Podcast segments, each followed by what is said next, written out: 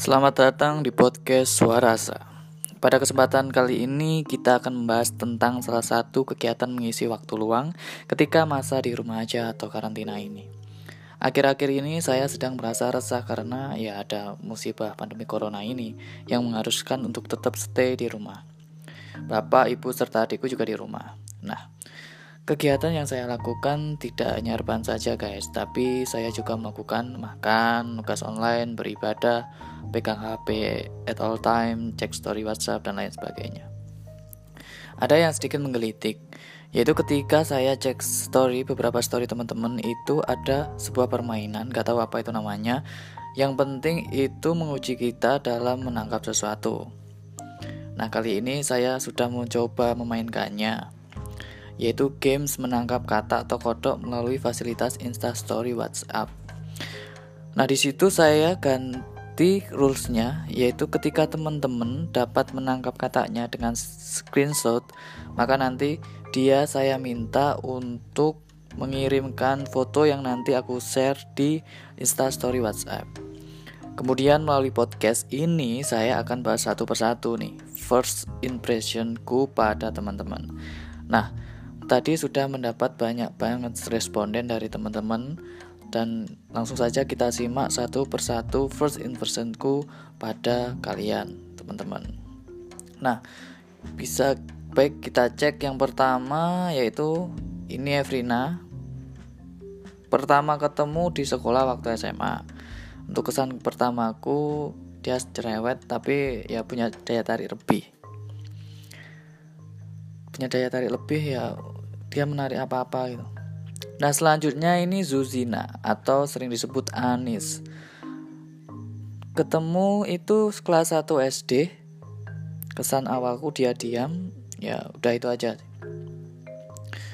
Selanjutnya ini ada Adi Santoso atau sering disebut Berry nggak tahu kenapa dipanggil Berry dia ini adalah salah satu murid saya awal ketemu dia adalah murid yang aktif tapi ya itu udah kadang garing.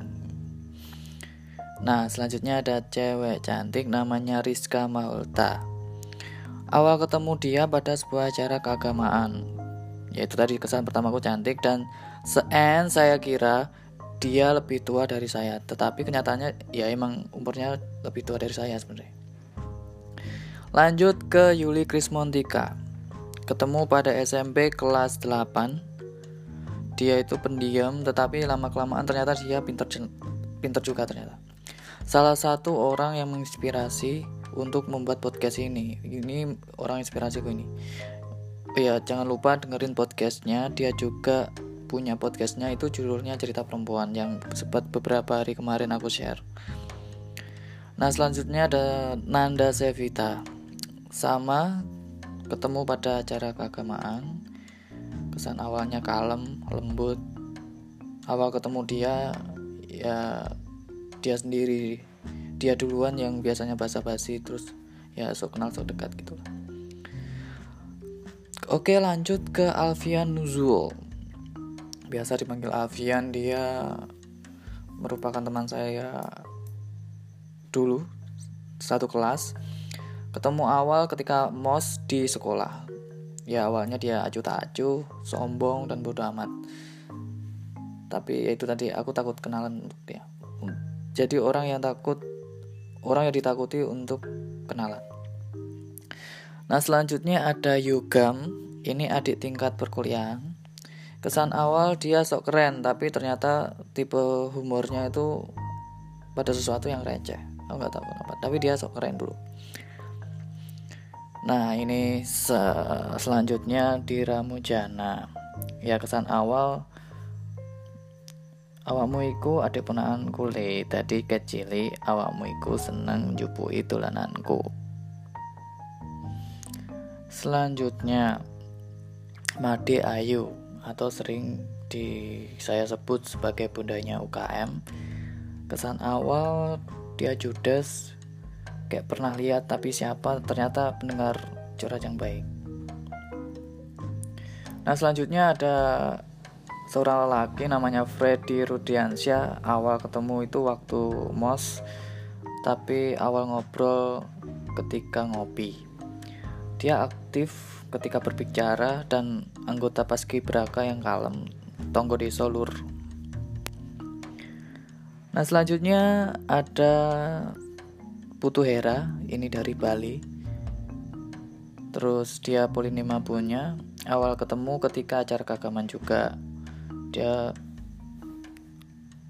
dia sedikit kalem ya dulu terus pendiam dan kayak pernah lihat kayak oh ya kayak pernah lihat ya seperti mantan doi wajahnya nah selanjutnya Lia Yulistiana ketemu waktu sekolah dia judes keras terus pembucin ulung udah itu aja Selanjutnya ada Cak Didin atau Mas Didin, ini tetangga dan pemuda desa. Kesan awalnya yaitu dia pendiam. Dia harus diajak omong duluan kalau mau bicara.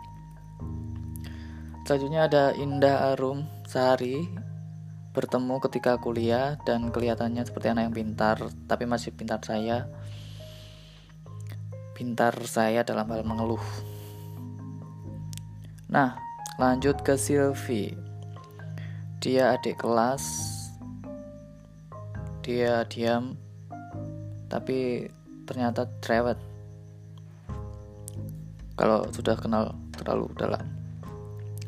Nah, selanjutnya ada Randy Relvi. Sekarang dia sudah kelas 6 SD. Mereka berdua adalah keponakan saya. Dia kembar tapi tidak sama, guys. Nah, selanjutnya ada Gede Yogi. Nah, Gede Yogi, namanya saja gede seperti orangnya. Dia orang yang aktif pada suatu kegiatan agama dan kadang juga dia lemah soal percintaan. Dan dia salah satu fans saya kalau nggak salah.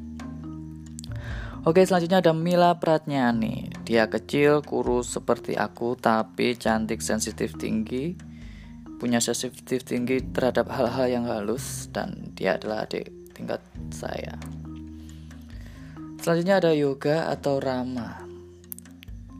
Awal ketemu ketika saya sedang pindah ke kontrakan. Awalnya dia seperti orang yang sombong, memiliki lifestyle yang tinggi, tapi sangat menginspirasi guys.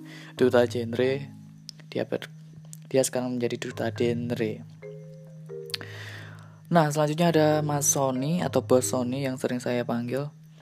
Awal ketemu ketika acara agama, duet menari juga, dan juga dia kalem. Selanjutnya ada Mas Novita Aditya. Nah, ini menarik karena awal ketemu juga pada acara keagamaan.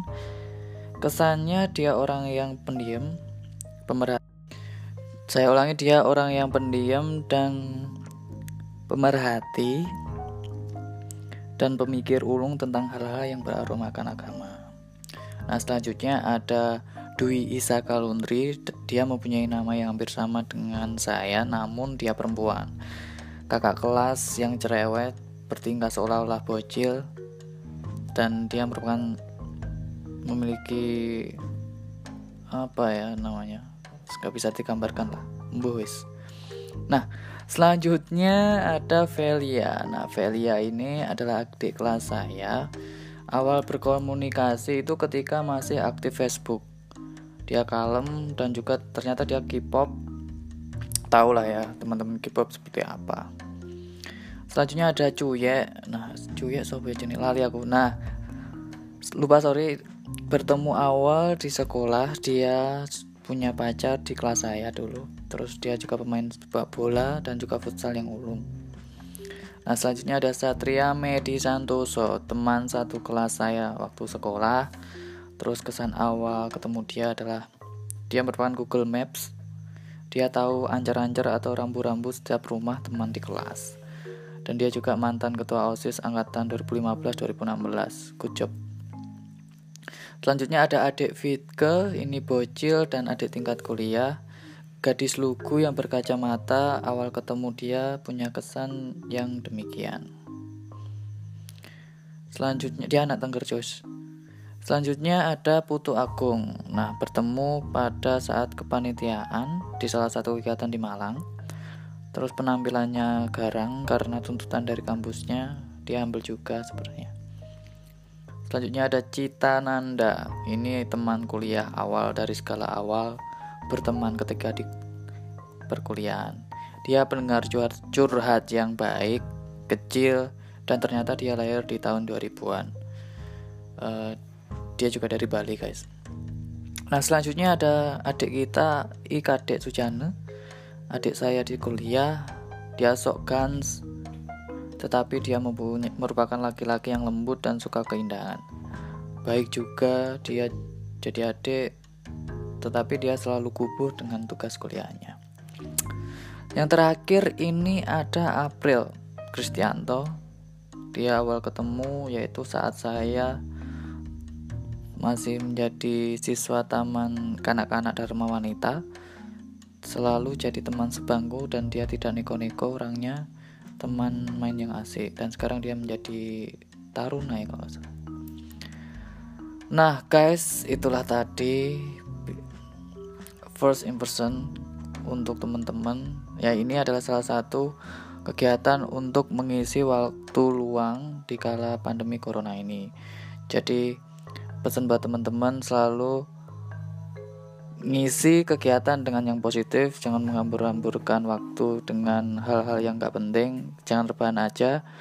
Kuliah tetap kuliah sekolah tetap kuliah eh sekolah tetap sekolah. Yang penting tidak melakukan hal-hal yang negatif. Sampai di sini aja podcast kali ini. Kita akhiri sampai di sini. Tetap happy tetap santuy. Ojo lali karo suaraku di suara asa cerita asa tentang asa Thank you, guys.